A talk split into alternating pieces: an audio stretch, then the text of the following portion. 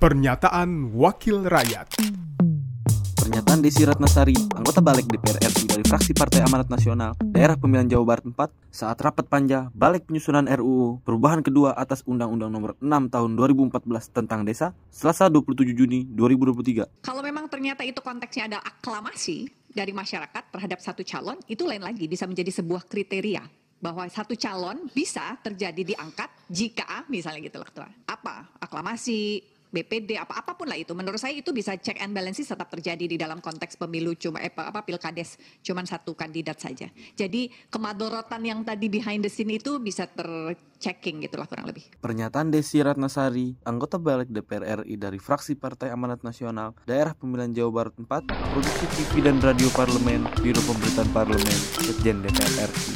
Pernyataan Wakil Rakyat